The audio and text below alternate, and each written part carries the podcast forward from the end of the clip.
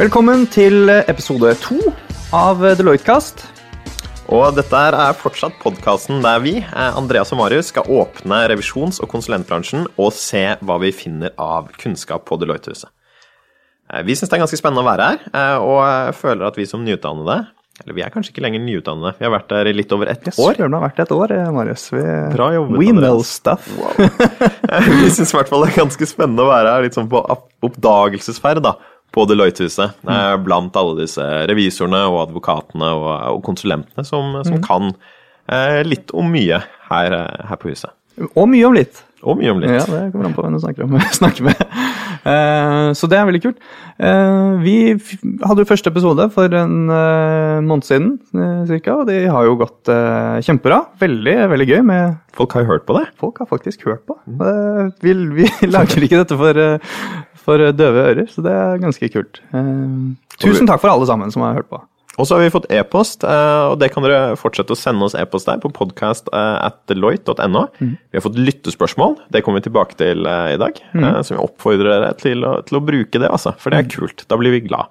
Og vi trenger alltid forslag til nye temaer som, som folk er opptatt av. ikke sant? Så vi kan jo sitte og pønske ut hva tror vi folk er interessant, men det er jo enda bedre om folk sier hva som faktisk er interessant for, for dere der ute. Så, så gjør det. Eh, liten sånn der eh, Hva har skjedd siden sist, Marius? Hva driver du med for tiden? Jeg jobber fortsatt uh, med et veldig prosjekt, spennende prosjekt hos en stor kunde i bankbransjen, der vi jobber med, med lederutvikling der. Og, og jeg tror det vi har snakket veldig mye om der, er at um, vi blir veldig oppmerksomme på hvor raskt det går i den teknologiske utviklingen der, og hvor rask bankbransjen er til å på en måte ta tak i det som skjer på teknologifronten, og faktisk bruke det i virksomhetene sine. Eh, Og det gjør faktisk ganske mye med at vi må, vi må tenke hele tiden på hvordan vi skal oppdatere dette programmet eh, med, med hva er det som skjer på teknologifronten. Hva er det som nå er relevant for bankene? Og det er fascinerende å se hvor fort det skifter. altså. VR er noe vi har snakket altså virtual reality. Hvordan kan eh, virksomheter bruke dette her, altså?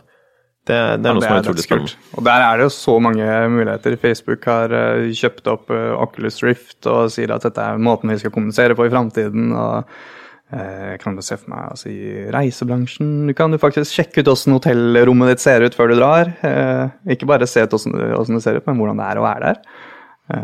Eller i, i helse for opplæring av operasjoner. Eller, ikke sant? Det er ganske sant? mye kule muligheter der. Hva med deg, Andreas? Det blir en annen har- episode. Ikke sant?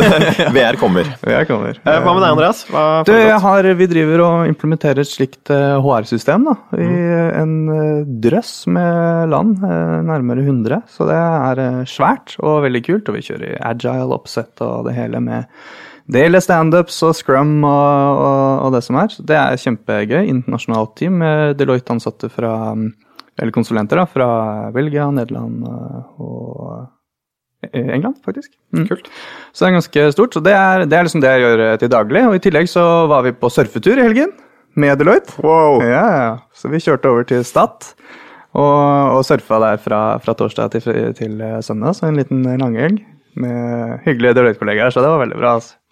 Og jeg ser for meg at både agile og, og surfing kan bli tema for eh, fremtidige episoder. Um, denne podkasten er jo lagt opp sånn at vi tar for oss ett tema eh, i hver episode, som, som noen her på Deloitte-huset kan mye om. Og dagens tema, det er da roboter. Og for å belyse det, så har vi fått med oss Jason Rowe og Ole Christian Haug.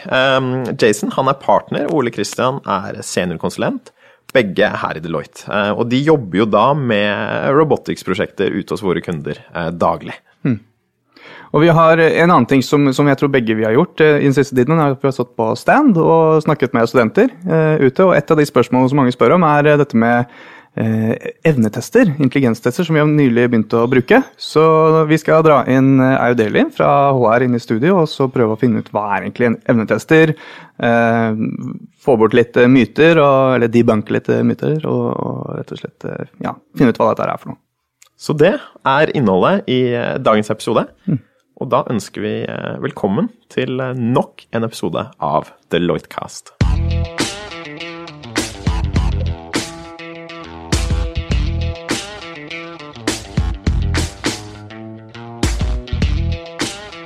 Science fiction, det har endelig blitt science, eller kanskje også eh, dagligdags. Fordi roboter det er på vei til å endre hverdagen vår. Og det loves fremskritt i form av høyere produktivitet, mindre feil og mer tid til overs for oss mennesker. Men hva er egentlig en robot? Og vil fremtidens robot se ut som mennesker? Og hva er det egentlig de kan gjøre? Dette vil vi grave litt nærmere i i dag. Ja, jeg, jeg, må si jeg lurer litt på Hvordan er dette kommer til å påvirke vår arbeidshverdag i framtiden? Er det sånn at vi har, har vi masse nye muligheter til å slippe å jobbe og bare la robotene gjøre alt? Kan vi outsource alt til roboter? Eller er det, hvilke deler er det de kan gjøre for oss? Og, og kommer de egentlig til å ta over jobben våre, kanskje, til slutt? Hele planeten? Hvem vet? Kanskje vi får svar i dag. Eh, for med oss for å prøve å svare på dette, så har vi Jason Roe og Ole Christian Haug. Og Jason han er partner i Deloitte. Han har åtte års fartstid fra Deloitte og erfaring også fra Norsk Hydro. Og Jason han har jobbet bl.a. med Information Management, Analytics, ERP og SAP.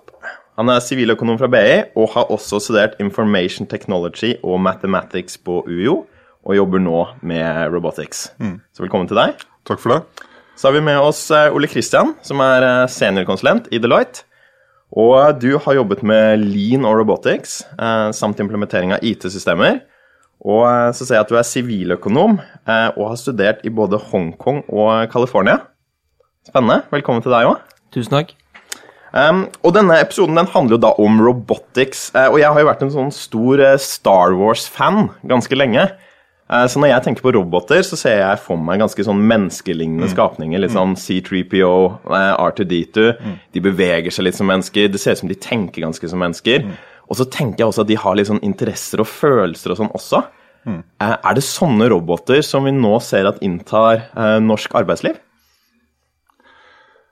Det er nok ikke de som først og fremst vi ser foreløpig enda, Marius. Det er, det er, nok litt andre roboter som vi foreløpig ser. Men, men si Utviklingen den, eh, den, går i den retningen at, at, de blir mer og mer avanserte. Og du etter hvert vil se, se også fysiske roboter som kan gjøre, gjøre, mye av disse oppgavene. Så noe av det vi uh, jobber med, for å egentlig ta det, det er jo mer det som, uh, det som vi kaller for robotic process automation. Mm. Som er mer sånn type Det er mer software. Som, som, gjør arbeidsoppgaver egentlig som en virtuell medarbeider på, på, på datamaskinene. Eh, og som du lærer opp egentlig til å gjennomføre egentlig det som typisk er manuelle arbeidsoppgaver som en, som en medarbeider gjør. da. Uh, og da er det ikke en fysisk robot uh, du ser, dessverre, foreløpig. Da er det mer snakk om et dataprogram? Er det det, er det det, vi mener når vi snakker om robotics? i denne ja, sammenhengen her? Det er rett og slett regelbasert prosessautomatisering. Så uh, dette er ikke kunstig intelligens, mm. som du pratet om i stad. Dette er, eh, dette er, automatisering av repetative, standardiserte, regelbaserte oppgaver. Så så lenge det er en digital input på det, mm. og, og, prosessen er, er, regelbasert, så kan i teorien i dag eh, en software ta over den type oppgave. Og da kan vi både snakke om en sånn slags sånn robotarm på en fabrikk som driver og skrur sammen en bil, det kan da være en robot, eller det kan være en kode i et system som gjør at Eh, hvis jeg sender en melding til, til banken min f.eks., så kjenner den igjen dette her og, og, og, gir meg et sånt output tilbake. Er begge dette eksempel på robotikk? Ja, men uh, det er nok viktig å skille på hva det er vi jobber med. altså Fra mm. vårt perspektiv, hva vi jobber med fra, fra Deloitte sin side. Mm. Så jobber vi ikke så mye med robotarmene på fabrikkene. Vi jobber mer med de administrative robotene, mm. som jobber med å gjøre sånne oppgaver på en, på en virksomhet. Det kan være å kjøre betalinger, det kan være å hente ut informasjon fra et system og legge over i et annet system. Det kan være å respondere på, på e-poster som kommer inn osv. Mm. Det er mer den type ting vi, vi jobber med. Mm. Litt morsom historien bak eh, navnet Robotic Process Automation. Jeg har tatt en prat med Patrick Gary, som er Seymour i Blue Prism. Det var han som kom opp med begrepet Robotic Process Automation. Han sa at det var så vanskelig å få solgt det inn til kunder når de kalte det for prosessautomatisering som det er. Så han bare slang på begrep robotic i forkant, og så ble det plutselig veldig populært. Så det er mye kulere. Ja, det er mye, mye kulere. Altså. Absolutt. Så det er, det er prosessautomatisering, eh, men det er, et, eh, det er, et, steg opp, på en måte. Hmm. Du snakket litt Ole Kristian, om dette at det ikke er kunstig intelligens. Um, og jeg, jeg, tenker jo litt på de, uh, kanskje i mitt hode, at jeg slår dem sammen litt når jeg sånn intuitivt tenkte på det. Men hvor mye har de her to egentlig med hverandre å gjøre? I, I, dag så er jo dette separert. Du mm. har uh, Robotic Process Automation, som uh, har lite med kunstig intelligens å gjøre. Du må fortelle denne roboten eller applikasjonen eksakt hva den skal gjøre, uh, og, og, så får den det gjort. Um, mens kunstig, kunstig intelligens, det er jo tyding av ustrukturert informasjon. Og det klarer ikke eh, robotic process automation å gjøre i dag. Mm. Men det du ser, er jo at de, de store aktørene innenfor dette, eh, UiPath, Blue Prism, Automation Anywhere, de tenker alle på å legge til kunstig intelligens-komponenter, AI-komponenter innad i RPA-teknologien deres. Sånn at de har muligheten til å tyde ustrukturert informasjon. Så i dag så er dette ganske separert. Mens i fremtiden så kommer nok det, det til å blande seg mer inn i hverandre. Mm. Og Det er jo liksom sånn steg i dette her, har jeg klart å lese meg fram til. da, at du har, eh, og Vi har jo vært gjennom den industrialiseringen allerede ikke sant, med disse robotarmene som du snakket om, eh, Marius. Og Sånn jeg hører det, så er dette her egentlig steget inn i, i servicebransjen, eh, eller tjenestebransjen. Og, og automatisere og, og putte eh, automatiske armer på, eh, på tjeneste... Ja, på tjenester, da. Ja, ja du, du og ser så kommer kanskje det automatiseringen etter hvert. Mm. Eh, bank- og, og, og forsikringsbransjen, f.eks.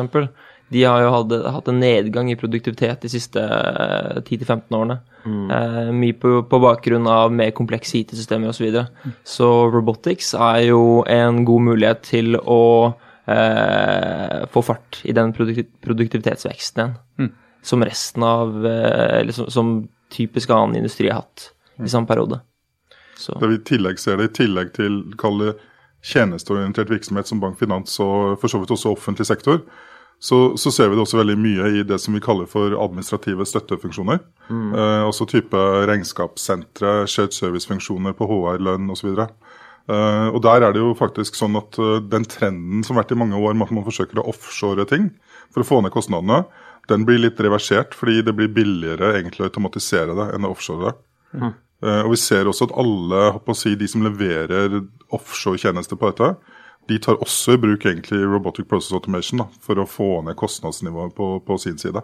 For rett og slett Det er et så stort press i forhold til dette framover. Hvis du ser på kostnader, så er ofte kostnadene for en utenlandsk ressurs en tredjedel av en norsk. Mm. Og en robot igjen er en tredjedel av en utenlandsk. Mm. Så, så du, kan, du kan insource den. da. Du kan få kunnskapen tilbake igjen til Norge, og så er det robot som faktisk gjennomfører oppgavene. Så det høres ut som at det som skjer, er at man, man før hadde et menneske som eh, drev og klikket på ting her når det kom inn fra en kunde, mm. og nå skjer det her sånn automatisk, mm. og at det reduserer kostnader. Er det liksom hovedapplikasjonen av eh, robotics i dag, sånn som dere jobber? Og har du noen sånne konkrete eksempler med, med hva slags problemstillinger det løser?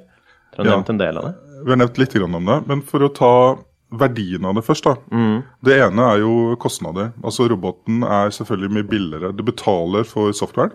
Uh, og roboten uh, Du betaler for én og én robot. da. Det er den typiske måten dette lisensieres på. Uh, så jobber roboten raskere enn mennesker. Fordi den, når den jobber inni ulike datasystemer, så er den mye flinkere til å huske hva den skal gjøre, og hvordan den kommer seg, beveger seg mellom skjermbilder og, og slår opp verdier og legger inn verdier. Så typisk så sier vi Men den er begrensa av hvor raskt systemet den jobber mot, svarer. Mm. Så vi sier typisk så, så jobber en robot tre til seks ganger raskere enn et menneske ville gjort samme prosess. Fordi Det er jo det er en automatisk mus, egentlig. Den beveger, ser man be, ja. musepekeren bevege seg? Og den. Ja, den, den jobber front-end i systemet, så den må også logge inn i systemet og ha et brukernavn, ha et passord, mm. som en vanlig medarbeider ville hatt. Mm. Det er riktig. Og så jobber jo den 24, gjerne 24-7. Så lenge systemet den skal jobbe mot er oppe, så kan den jobbe hele døgnet og hele året. Og ikke noe ferier og ikke noe kaffepauser eller noe som helst. Ingen lunsj? Ingen lunsj heller, nei. ikke foreløpig. så det, du får en helt annen effektivitet ut av det. Mm. Men det som også er besnærende, det er faktisk kvalitetsaspektet. Mm. For vi studier som viser, viser, jo at selv på oppgaver der du på en måte, altså selv på repetitive oppgaver som du kan, så gjør vi bortimot 10% feil, på, på de, eller feil i 10 av de, de oppgavene. Eh, og robotene gjør ikke feil. Hvis du har lært den opp riktig, så gjør den det riktig hver gang. Så kvalitetsaspektet, og, og for så vidt også sporbarhet, for den logger alt den gjør, og du har kontroll på det. Så også fra, si, fra et revisjonssynspunkt så er man jo glad i dette, fordi det gir egentlig mye større sporbarhet i hva som skjer, skjer i, i, i prosessene. Og så har vi jo skalerbarhet. Hvis mm. man ønsker flere roboter på én oppgave, eh, så er det bare å kjøpe en til. Mm. Eh, og på mange måter copy-paste det den ene kan over til den andre. Mm. Eh, du, man trenger ikke tre måneder med opplæring. Ting går, går veldig sømløst. Mm. Hvilke roboter tror du f.eks. jeg, da, som, som, går rundt som en, en, vanlig person i Oslo, liksom dulter borti? Er det noen jeg kanskje er borti uten å, å vite det? Eh, sånn i kontakt med, med selskaper? F.eks. med banken liksom. min, ja. eller når jeg går i butikken, eller når jeg sender en e-post til eh, jeg vet ikke, til det offentlige for å ville et eller annet, eller noe sånt. Jeg, jeg tror ikke vi har kommet helt dit ennå.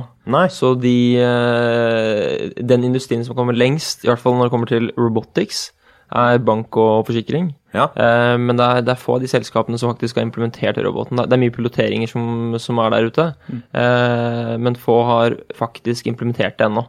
Eh, selv om teknologien er moden, og vi ser i, i resten av verden at det blir eh, implementert i, i hast, så eh, har eh, vi i Norge vi, vi, vi, begynte vel å se på det for, for et år tilbake i tid, og det tar litt tid før ting blir implementert. Mm. Eh, men hvis du snakker om et, et år fram i tid, mm. så tipper jeg at du kommer til å være i kontakt med ganske mange av disse mm. eh, relativt ofte. Men er, Deloitte er jo et, eh, et regelbasert firma i veldig stor grad. Da, I den grad at vi, vi, lever av revisjon og advokattjenester, sånn, bortsett fra konsulenttjenestene som vi leverer. Eh, hva, hva, betyr det for oss? da? Har vi eh, begynt med noen roboter på huset allerede, vi? Du, Det er et kjempegodt spørsmål. Vi har faktisk uh, begynt med det uh, hva på å si, på uh, litt, litt enkelt i forhold til revisjon. Så, mm. så revisjon bytter revisjonssystem i år. Og da skal de flytte alle sakene over fra det gamle systemet til det nye systemet. Og da har vi laget, da har vi laget en robot som gjør den jobben med å flytte, flytte over de sakene. Mm. Eh, og Da sender eh, revisjonsmedarbeiderne som skal inn og jobbe på kunden i det nye systemet, de sender bare en e-post eh, hvor de ber om å få flyttet over sakene. og Så plukker roboten opp den e-posten. Og så går den og gjør den jobben med å opprette nytt, en, ny oppdragsmappe og flytte over egentlig alle dokumentene som, som hører til. Mm. Men det er helt klart at både robotics og, og egentlig også mer automatisert analyse er ting som er veldig viktig for revisjonen framover, og som vil være med på å på å effektivisere uh, oppdragsgjennomføringen deres. Mm. Uh, og tilsvarende også så har vi diskusjoner med, med advokatfirmaet. Uh, det er mye skjønn innenfor advokat, og det er jo ikke så lett å automatisere. Men det er også mye ting som handler om å hente ut informasjon og fylle inn skjemaer. Mm. bare rett og slett bare flytte informasjon, ska, skaffe bakgrunnsdokumentasjon osv. Og, så og dette er ting som veldig lett egentlig lar seg, lar seg automatisere. Så det høres ut som assistentene våre litt, om ikke så veldig lang tid, kommer til å være roboter, da. Som kan hjelpe oss med litt sånn nitty-gritty eh, ting der vi ikke trenger så mye skjønnsvurdering. Er det, er det på en måte en applikasjon vi kommer til å se fremover? Ja, det tror jeg helt sikkert. Mm. Hvis vi, fortsetter litt med den og ser litt sånn inn i glasskula fremover her. Eh, vi snakket litt om, om, kombinasjonen av robotics og kunstig intelligens, mm. at det kunne bli noe. Um, hvordan ser dere for dere at um, robotics kommer til å påvirke eller spille en rolle i norsk næringsliv om si fem år, da? Mm. Skal vi starte på å forklare, måtte virkelig dra forskjellen hvordan kunstig intelligens og kanskje robotics også flytter sammen? Ja, gjør det. Fordi uh, I det eksempelet som jeg ga deg i stad, i forhold til uh, konvertering av revisjonssystem, så kommer det jo en Excel-fil som inneholder informasjon om hva som skal, hva som skal flyttes over.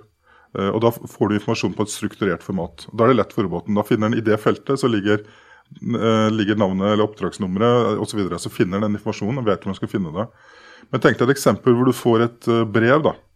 Noen skriver et brev, og kommer, det kan komme på papir i posten. Og, det, og du skanner det inn, og du, du, sitter da med en PDF av, av, av råtekst.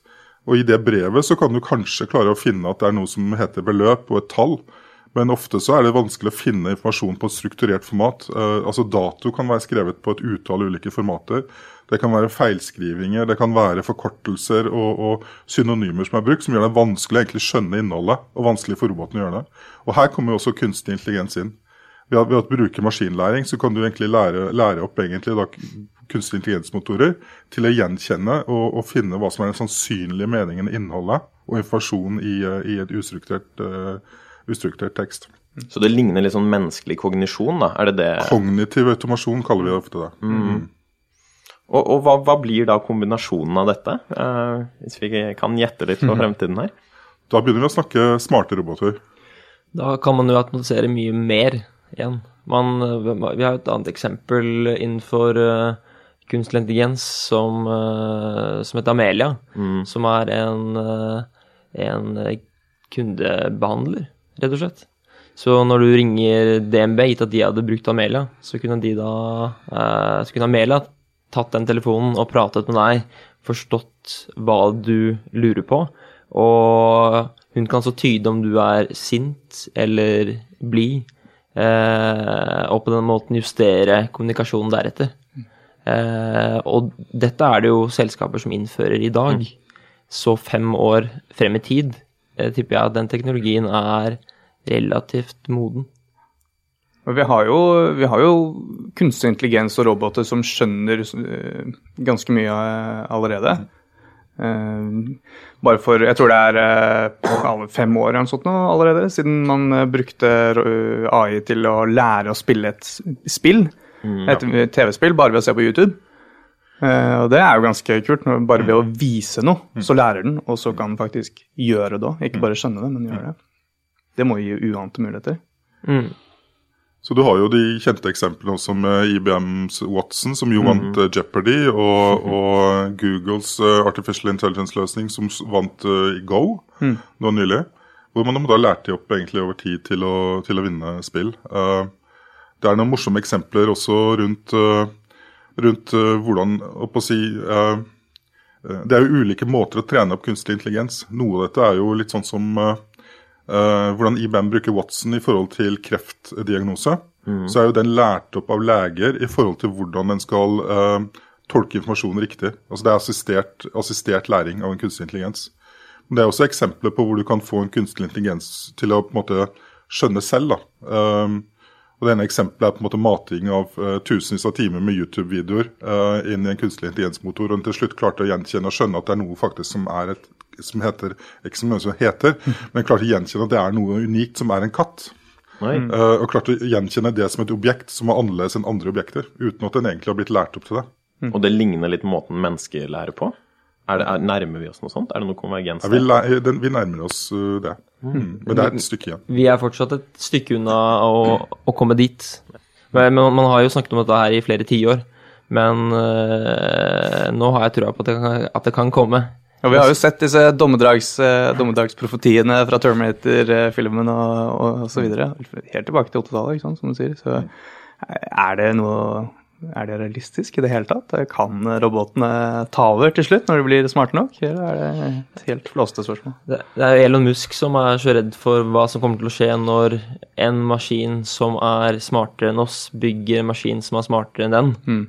Eh, og dette her bare fortsetter.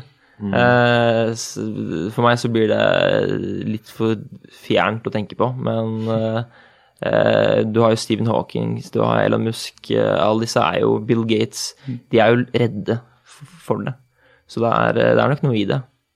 Så det er flere på en måte tilsynelatende veldig oppegående mennesker som jobber tett med dette, som mm. egentlig er litt bekymret? Kanskje mm. mer bekymret enn de fleste som går rundt ute på gata? Absolutt. Men hvis vi, hvis vi, prøver å tekke det her liksom til samfunnsmessige konsekvenser generelt, da.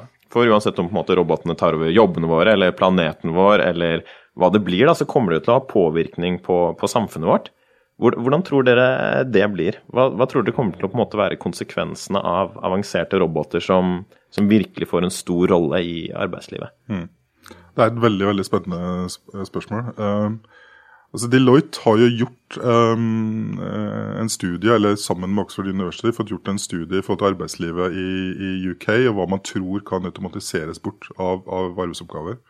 Og det viste seg at det er ganske mange arbeidsoppgaver som man tror har høy sannsynlighet for å bli automatisert bort, enten ved type prosessautomatisering som vi jobber mest med, eller med kognitiv automatasjon.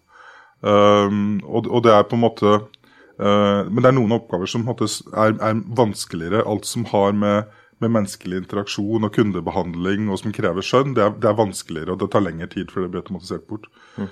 Så du kan si eh, Noen profetier er jo at okay, det er veldig mange arbeidsplasser som kommer til å forsvinne. Uh, så opplever jeg at måte, det som har vært Deloittes budskap, har jo vært at alle tidligere industrielle revolusjoner uh, har jo gitt som resultat at nye arbeidsoppgaver og nye jobber kommer. Mm. Så det interessante er at er, det annerledes denne gangen? Uh, mm. altså, vil det også denne gangen dukke opp nye arbeidsoppgaver som følge av, som følge av dette, eller, er vi på en måte i, annen, i en annen situasjon, sånn at vi faktisk uh, det blir færre jobber? Uh, og, og, så det ene scenarioet er jo at kanskje vi ikke trenger å jobbe, eller kanskje vi bare trenger å jobbe tre timer om dagen, eller vi kan på en måte fylle hverdagen vår på en helt annen måte.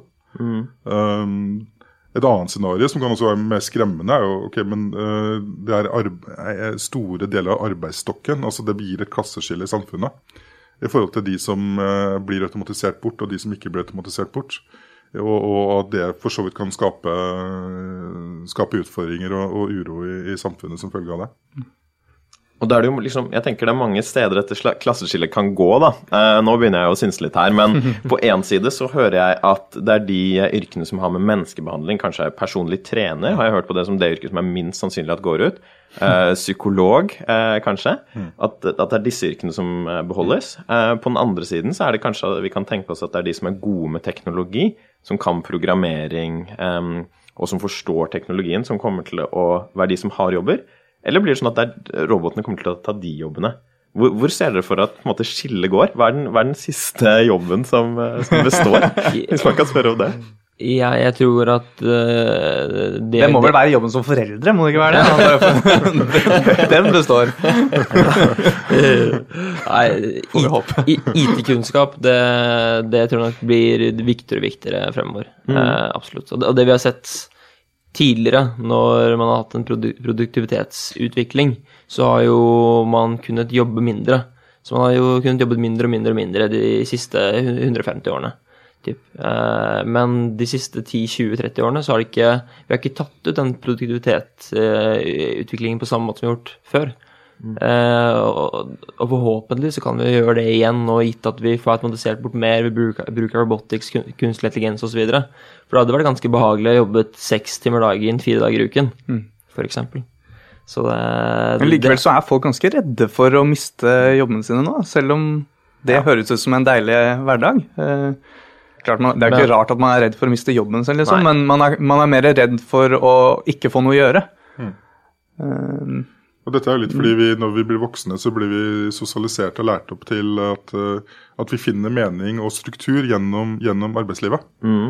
Um, mens vi er barn, så har vi ikke noe problem med å fylle tiden og, og ha meningsfylte dager uten at vi egentlig trenger å på en måte bli satt inn i noen rammer for å gjøre det. Så, så, mange sliter jo ofte når de skal pensjoneres i forhold til hvordan skal jeg nå fylle arbeidsdagene. Mm. Så tidligpensjon i 30-årene, det, det, kan være utfordrende for oss i stor skala. Så vi må sosialiseres inn i mer at lek og moro er hensikten, og ikke det å gå på jobb. Da Da kommer vi til å ha god psykisk helse og klare oss etter at robotene tar over. Ja, og det er kanskje en god jobb? Det høres ikke så dumt ut. Eh, hvis vi tenker andre sånn samfunnsmessige konsekvenser ehm, Jeg tenker f.eks. sånn selvkjørende biler. da. Mm. Det virker jo som noe som ikke er så langt frem i tid. Mm. Er det andre sånne teknologier eller applikasjoner av robotics og kunstig intelligens som kommer til å endre hvordan hverdagen eh, vår blir. Mm. Jeg tror ting generelt sett kommer til å bli mye mer sømløst.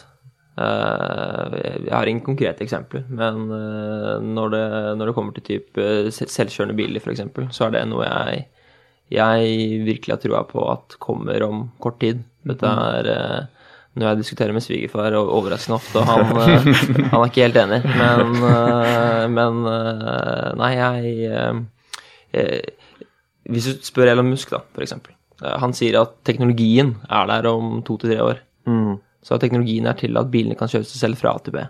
Eh, og da snakker men, vi hele veien, for vi ja. har jo allerede ja, men da, da, da, snakker vi hele veien, og mm. mer eller mindre overalt. For nå er det typisk mer på motorvei. Og, ikke sant. Eh, men det regulatoriske, derimot, det er jo ikke klart om to til tre år. Mm. Så Hvem har eh, ansvaret hvis en selvkjørende bil Ikke sant. krasjer? Eller, Så det er nok det som vi kommer til å vente på, vil jeg tro. Men at uh, jeg, jeg, jeg, spør spørsmål om, om mine barn kommer til å ta lappen på samme måte som jeg gjorde, eller om de ikke har lov til å kjøre selv. Det er jo ganske fordi det farlig. faktisk er tryggere, egentlig, at roboter Mye- gjør det. Fordi mye, mye de oppfatter ting kjappere og reagerer Mye raskere. tryggere. Og, da, og gitt at vi ikke skal kjøre selv, trenger vi da eie en bil. I dag så blir jo kun 2% av eh, bilparken brukt til enhver tid. Så i teorien så kunne man fjernet 49 av 50 biler. Og hatt da de resterende bilene bare kjøre rundt kontinuerlig. Så taxisjåførene skal faktisk eh, passe seg litt. eh, Ja, Ja. det vil jeg si. Ja, altså Et firma som Uber investerer jo stort i å forstå og, og utvikle egentlig selvkjørende biler. Mm. De har jo selvkjørende biler nå i en by i USA, Uber. Eh, usikker på hvor mange det er snakk om. Men, eh, de- og de kjører jo som eh, De er veldig forsiktige. De kjører ikke fortere enn 50-60, og de holder jo ti meter eh, til bilen foran. Eh, Men det fungerer. Og Jeg tror det er Chicago, hvis ikke det er feil. Og så har du jo Amazon som driver og leverer pakker med hjelp av droner og ja, leverer rett på døra. Disse her, eh, en del av de som hører på vår podkast, det er jo studenter som skal ut i denne her verden eh, om ikke så altfor lenge. Eh, det jeg hadde tenkt på hvis jeg hadde vært student, og det jeg tenker på nå, er hva er det jeg da må kunne? Og hva er det jeg kanskje ikke trenger å kunne? Hva, du snakket om IT-kunnskap, at det kan bli viktigere. Er det annen type kunnskap dere tenker at man bør investere i som enkeltperson? Eller kunnskap man kanskje kan si at dette eh, kommer roboten til å ta?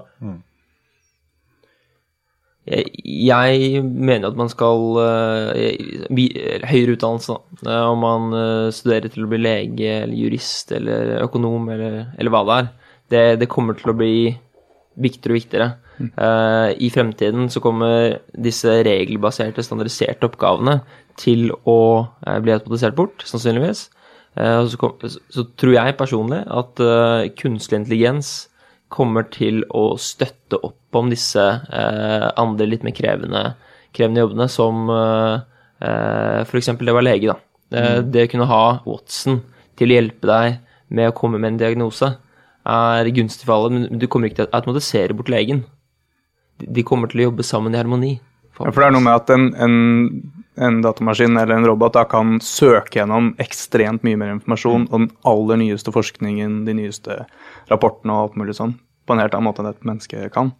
Men du trenger fortsatt legen til å verifisere at det faktisk stemmer, og, og gjøre en vurdering på det. Ja.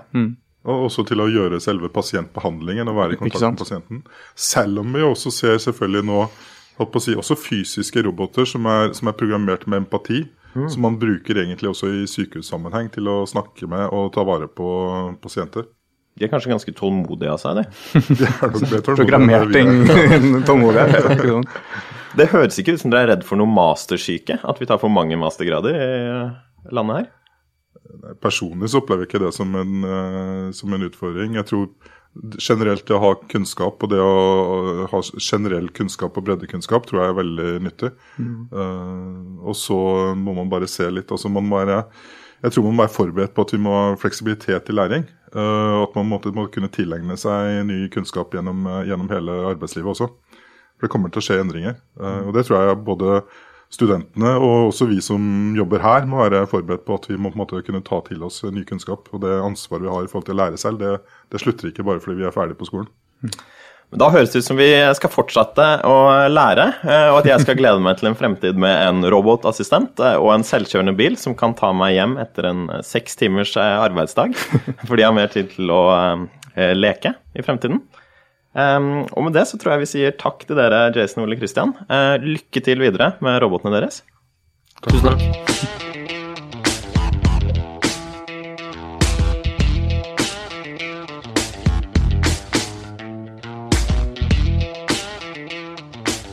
Da har vi fått eh, besøk av eh, Aud Elin her, fra Human Resources HR. Ja, Velkommen. takk.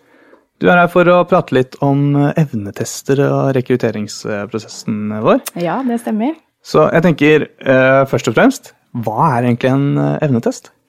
Ja, du kort fortalt så kan man jo si at evnetest det er på en måte mer et samla begrep da, for å måle en persons generelle intelligens og, og, egentlig kognitive evner sånn sett. da. Hvor formålet med evnetester hos oss det er jo mer måle de da kognitive og logiske evnene til, til kandidaten. og og også måle litt sånn poten, potensialet for å, for å klare å, å, prestere på en måte i, i jobb hos oss, da. Mm. Så, og forskning mange, gjennom mange år har jo vist da at eh, evnetester hos oss det predikerer jo fremtidig jobbatferd. Så i vårt tilfelle så blir jo det da hvordan kandidatene vil, eh, vil eh, prestere i jobbsammenheng hos oss, da. Mm. Det er det. Så, og det er jo viktig å påpeke her da, at det finnes jo veldig mange ulike typer evnetester på markedet hvor vi i Deloitte har valgt å benytte oss av testleverandøren som heter Qt. Eh, ikke Knut. Ikke Knut, det, det, var nesten. Det er testleverandøren Qt. Mm. Og de er da markedsledende på, på, um, på te nettbaserte testløsninger. Mm. Så, og verdensledende da i utvikling og levering av slike tester på nettet.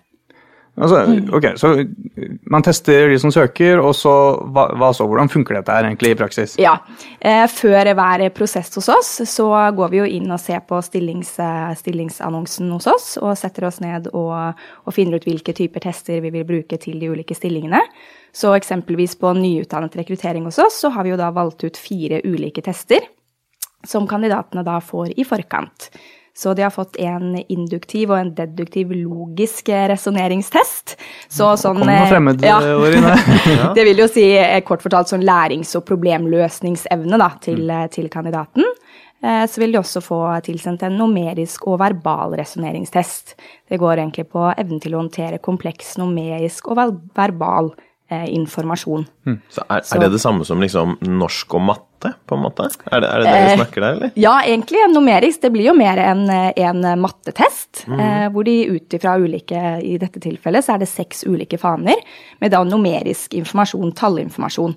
Og så skal du ut ifra det klare å svare på, på, tre ulike spørsmål om det er eh, rett, galt, eller om du ikke har mulighet til å, til å svare på, på, spørsmålet. Og samme blir det også da på, på den verbale, bare da blir det i tekstformat. Mm. Mm. Og det er jo også viktig å understreke for oss at dette er jo kun en del av vurderingsgrunnlaget hos oss. Så mm. det blir jo bare en del av en større helhet eh, i vurderingen for å komme til intervju hos oss, da. Mm. Eh, hva Har dere gjort dere noe erfaring Altså dette er første året vi gjør det. Yes. Så hva slags erfaringer er det vi har nå så langt? Funker det? Eh, ja, du, vi syns det. Vi har fått veldig gode tilbakemeldinger så langt fra, fra kandidaten sin side. Vi er jo veldig opptatt av å sende ut også en, eh, en Questback, eller en undersøkelse, til alle de kandidatene som har vært i prosess med oss. Og rett og slett for å høre hvordan kandidatopplevelsen har vært, hvordan de opplever det å bruke tester hos oss. Mm. Og da har vi fått gode tilbakemeldinger, at de syns det har vært en profesjonell prosess, og de også syns det er Mange syns det også er spennende å ta disse testene, og studentene har nok også mer forberedt. Det er jo flere og flere bedrifter også som bruker tester nå i, i, rekrutteringen. Så eh, studenter er nok mer forberedt at det er en del av, ekstra del av vurderingsgrunnlaget når de blir vurdert. Mm. Mm. Ja, det er, det er, så nå er det flere som begynner å bruke disse eh, testene. Og mm. det har egentlig vært snakket om lenge, i hvert fall i, i forskningen, at uh, dette her er den åpenbare beste predikatoren av mm. jobbprestasjoner. Så, så er det sånn fra et faglig perspektiv, endelig begynner folk å bruke det. Ja. Um, for det, det, er fort gjort at det blir mye synsing. Mm. Uh, du hører jo masse sjefer som sier ja, jeg kan uh, spotte mm. inn de første ti sekundene om kandidaten er, uh, blir en god leder eller bra ansatt. Liksom. Men forskningen viser jo at de kan jo ikke det. Nei, og det gjør jo også at det blir en mer rettferdig og objektiv vurdering også av kandidatene ved å også tilføye evnetester da, som en ekstra del av vurderingen, i tillegg til karakterer, søknadsbrev og også case, som man også kjører da på et uh, andrerundeintervju hos oss. Mm. Så det blir jo flere predikatorer som man kan uh, ta til en hel sammenheng da, for å, for å vurdere. Så sånn sett blir det jo en veldig rettferdig og profesjonell prosess når vi har så mange ulike, ulike faser som vi kan måle kandidatene på. Mm. For meg som liksom ikke har vært borte det så mye her, så mm. føler jeg at gjennom livet mitt så har jeg gjort mange ting da, som på en måte til en viss grad skal vise hvor, hvor flink jeg er i ting. Som jeg har gått på skole og fått karakterer eh, og fylt CV-en min med ting som har tatt ganske lang tid, på en måte. Mm. Og så kommer man til et intervju, og så får man disse evnetestene som tar en halvtime eller en times tid, eller noe sånt. Yes. Og så skal de plutselig forklare eller da predikere hvor godt jeg kommer til å gjøre på jobben, kanskje mer enn disse karakterene som jeg har slitt så hardt for. Hva er det liksom med disse testene som gjør at de, de egner seg så godt til det? At ja. de funker? Eh, nå er det jo som jeg nevnte innledningsvis dette med forskningen. da, Nå skal man heller ikke motsi forskningen her, for den mm. viser jo da at eh, evnetester har en enda mer prediktiv validitet da, på mm. å måle en kandidats evne til å prestere eh, i eh, jobb, jobbsammenheng eller for fremtidig jobbsuksess. Men hos oss er jo dette bare en del av vurderingen, så selvfølgelig vil vi jo Vi ser jo selvfølgelig på karakterer og søknadsbrev og CV og alt, og så blir evnetestene da et ekstra, ekstra grunnlag, da for å, for å, kunne skille rett og slett kandidatene når vi har så mange gode søkere som søker til oss i Deloitte. Mm. Ja, og så jeg, eh, jeg, tror det, det, første som dukker opp i folks hode når de, når de hører evnetest, eller intelligenstest, da, ja. som det jo eller IQ-test, mm. det som det gjerne kalles, at det, må, det, blir jo veldig lite personlig. Dette, hva, skal man ikke ha intervju lenger? Skal du bare ta en test, og det avgjør alt, liksom? Mm. Eh, blir det mer upersonlig å bruke intelligenstester, eller evnetester? Absolutt ikke. Eh, det er som jeg nevnte igjen, det er jo en helhetsvurdering. Så vi, eh, vi, i et intervju hos oss så sier vi bruker et par minutter på å tilbakelese på, på kandidatens evnetester. Eh, litt fordi man også skal ha en dialog på det om de kjenner seg igjen i det de har besvart. Og resten så går det jo på dette med, med CV-en, hva de har gjort alle årene de har hatt på skole. Det er jo det vi er interessert i, CV-en til kandidaten. Hva er det de har klart å gjøre de siste årene? Mm. I tillegg til studier, har de kanskje hatt noe verv ved siden av? Har de hatt jobb ved siden av? Så de kan trekke inn alle disse disse andre erfaringene de har. Det er jo det vi er, mm. er først og fremst interessert i å, å, å høre om, da. Mm. Mm.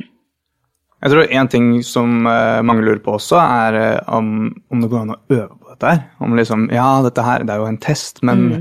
du, det er jo så lett å jukse, fordi du, jo, du, sitter jo hjemme og gjør det, for det første. Mm. Og du kan uh, Det er jo bare å ta sånne tester på nettet og så øve seg masse. Går det an? Ja, du, nå er det jo ingen hemmelighet at vi bruker, som jeg nevnte innledningsvis, testleverandøren Qt. Og de har jo veldig mange øvelsesoppgaver som ligger ute på nettsiden deres. Mm. Så min anbefaling der er jo absolutt at eh, studentene kan gå inn der og øve seg på en del oppgaver. Det er litt for å ikke at man skal bli stresset av den tiden. Eh, man har jo en eh, klokke som tikker på siden, og du skal gjennom så og så mange oppgaver. Så da kan man sette seg litt inn i å bli vant med, med den situasjonen. Og det ligger jo også mange andre typer tester også på nett, så på den måten kan man jo, kan man jo øve, seg, øve, seg, så å si på en del tester der. Eh, men igjen så viser jo forskningen at eh, dette måler jo da evne, eller kognitive evner og ferdigheter hos kandidaten. Så på den måten så, så er det jo lite, eller forskningsmessig, så, så, viser det seg på en måte at det ikke er så stor læringseffekt på sikt uansett hvor mange ganger du tar, tar testene, da. Mm.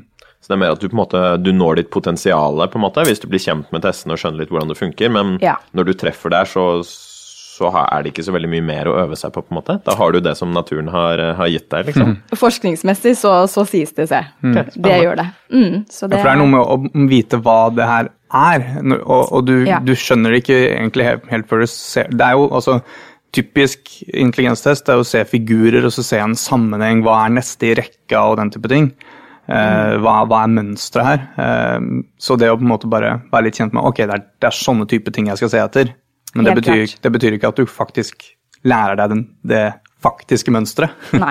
som du skal løse. Ikke sant. Og det er jo også interessant fordi kandidatene litt med forhold til, eh, til disse øvingsoppgavene jeg nevnte, så får jo også kandidatene når de får tilsendt testene av oss, så er det jo også en eksempeloppgave på, på, hver test. Sånn som på nyutdannet rekruttering så har de fått tilsendt fire ulike tester. Eh, og før hver test så får de da en øvingsoppgave. Så min anbefaling der er også å ta den øvingsoppgaven egentlig flere ganger, helt til man har forstått mønsteret mm. eh, før man faktisk eh, starter testen. For der går ikke tiden på eksempelet, så der kan man bruke den tiden mm. man ønsker. Vi har fått et uh, lytterspørsmål, vi. Ja. Um, så det er jo litt gøy. Og det, Spennende. Hvis du har uh, spørsmål som du ønsker å stille oss om uh, ting du har hørt i episoden, eller ting du ønsker å høre i fremtidige temaer, eller ting du lurer på, så kan du sende til podcast at deloitte.no sånn som Hege har gjort. Og hun eh, spør om hvordan eh, Vi snakket om nye ansatte rekruttering i forrige episode, vi har snakket mm -hmm. litt om det nå. Men hvordan fungerer egentlig eh, rekruttering av erfarne søkere? Ja. Eh, hvilke avdelinger er som er aktuelt, spør hun. Altså, så hva er relevant og aktuelt? Det er kanskje ikke så lett å svare på, men hvordan, hvordan fungerer rekrutteringsprosessen der? Ja, du, det skal jeg svare kort på. Jeg sitter jo nå som nevnt på nyutdannet rekruttering. Men jeg kan jo forklare kort at eh, jeg vet at vi gjennomfører eh, jobbanalyser der også, og strukturerte intervjuer på erfarne kandidater. Det er jo fordi at de skal også bli behandlet eh, på likt grunnlag når de er hos oss, og det skal ikke ha noe å si om hvem du er hos på intervju hos oss. Du skal bli vært gjennom de samme kriteriene og, og vært gjennom et strukturert intervju. Og her kjører vi også evnetester og også personlighetstester tilpasset stillingen. Og her eh, setter vi oss også ned i Deloitte og gjør en vurdering ut ifra stillingsannonsen på hvilke tester da som blir aktuelle å, å sende til da de erfarne kandidatene. Og så er det vel eh, i større grad utlysninger av spesifikke stillinger? Ja, det er mye mer spesifikke stillinger da på erfaren enn det f.eks. er på, på nyutdannet. Mm. Og til en erfaren stilling så skal vi jo kanskje ha én eller to personer, men på nyutdannet hos oss så ansetter vi jo eh, mange eh, hvert år. Mm. Mm. Hvor er det man finner disse utlysningene, hvis man er en erfaren og ønsker å søke Deloitte? Ja, du, det har vi. For det første så eh, ligger de løpende ute på våre hjemmesider. Og i tillegg så har vi de ute på andre annonsekanaler. Eh, eksempelvis Finn har vi det ute på, eh, og, og, andre, andre nettsider. Og LinkedIn har vi det mm. på.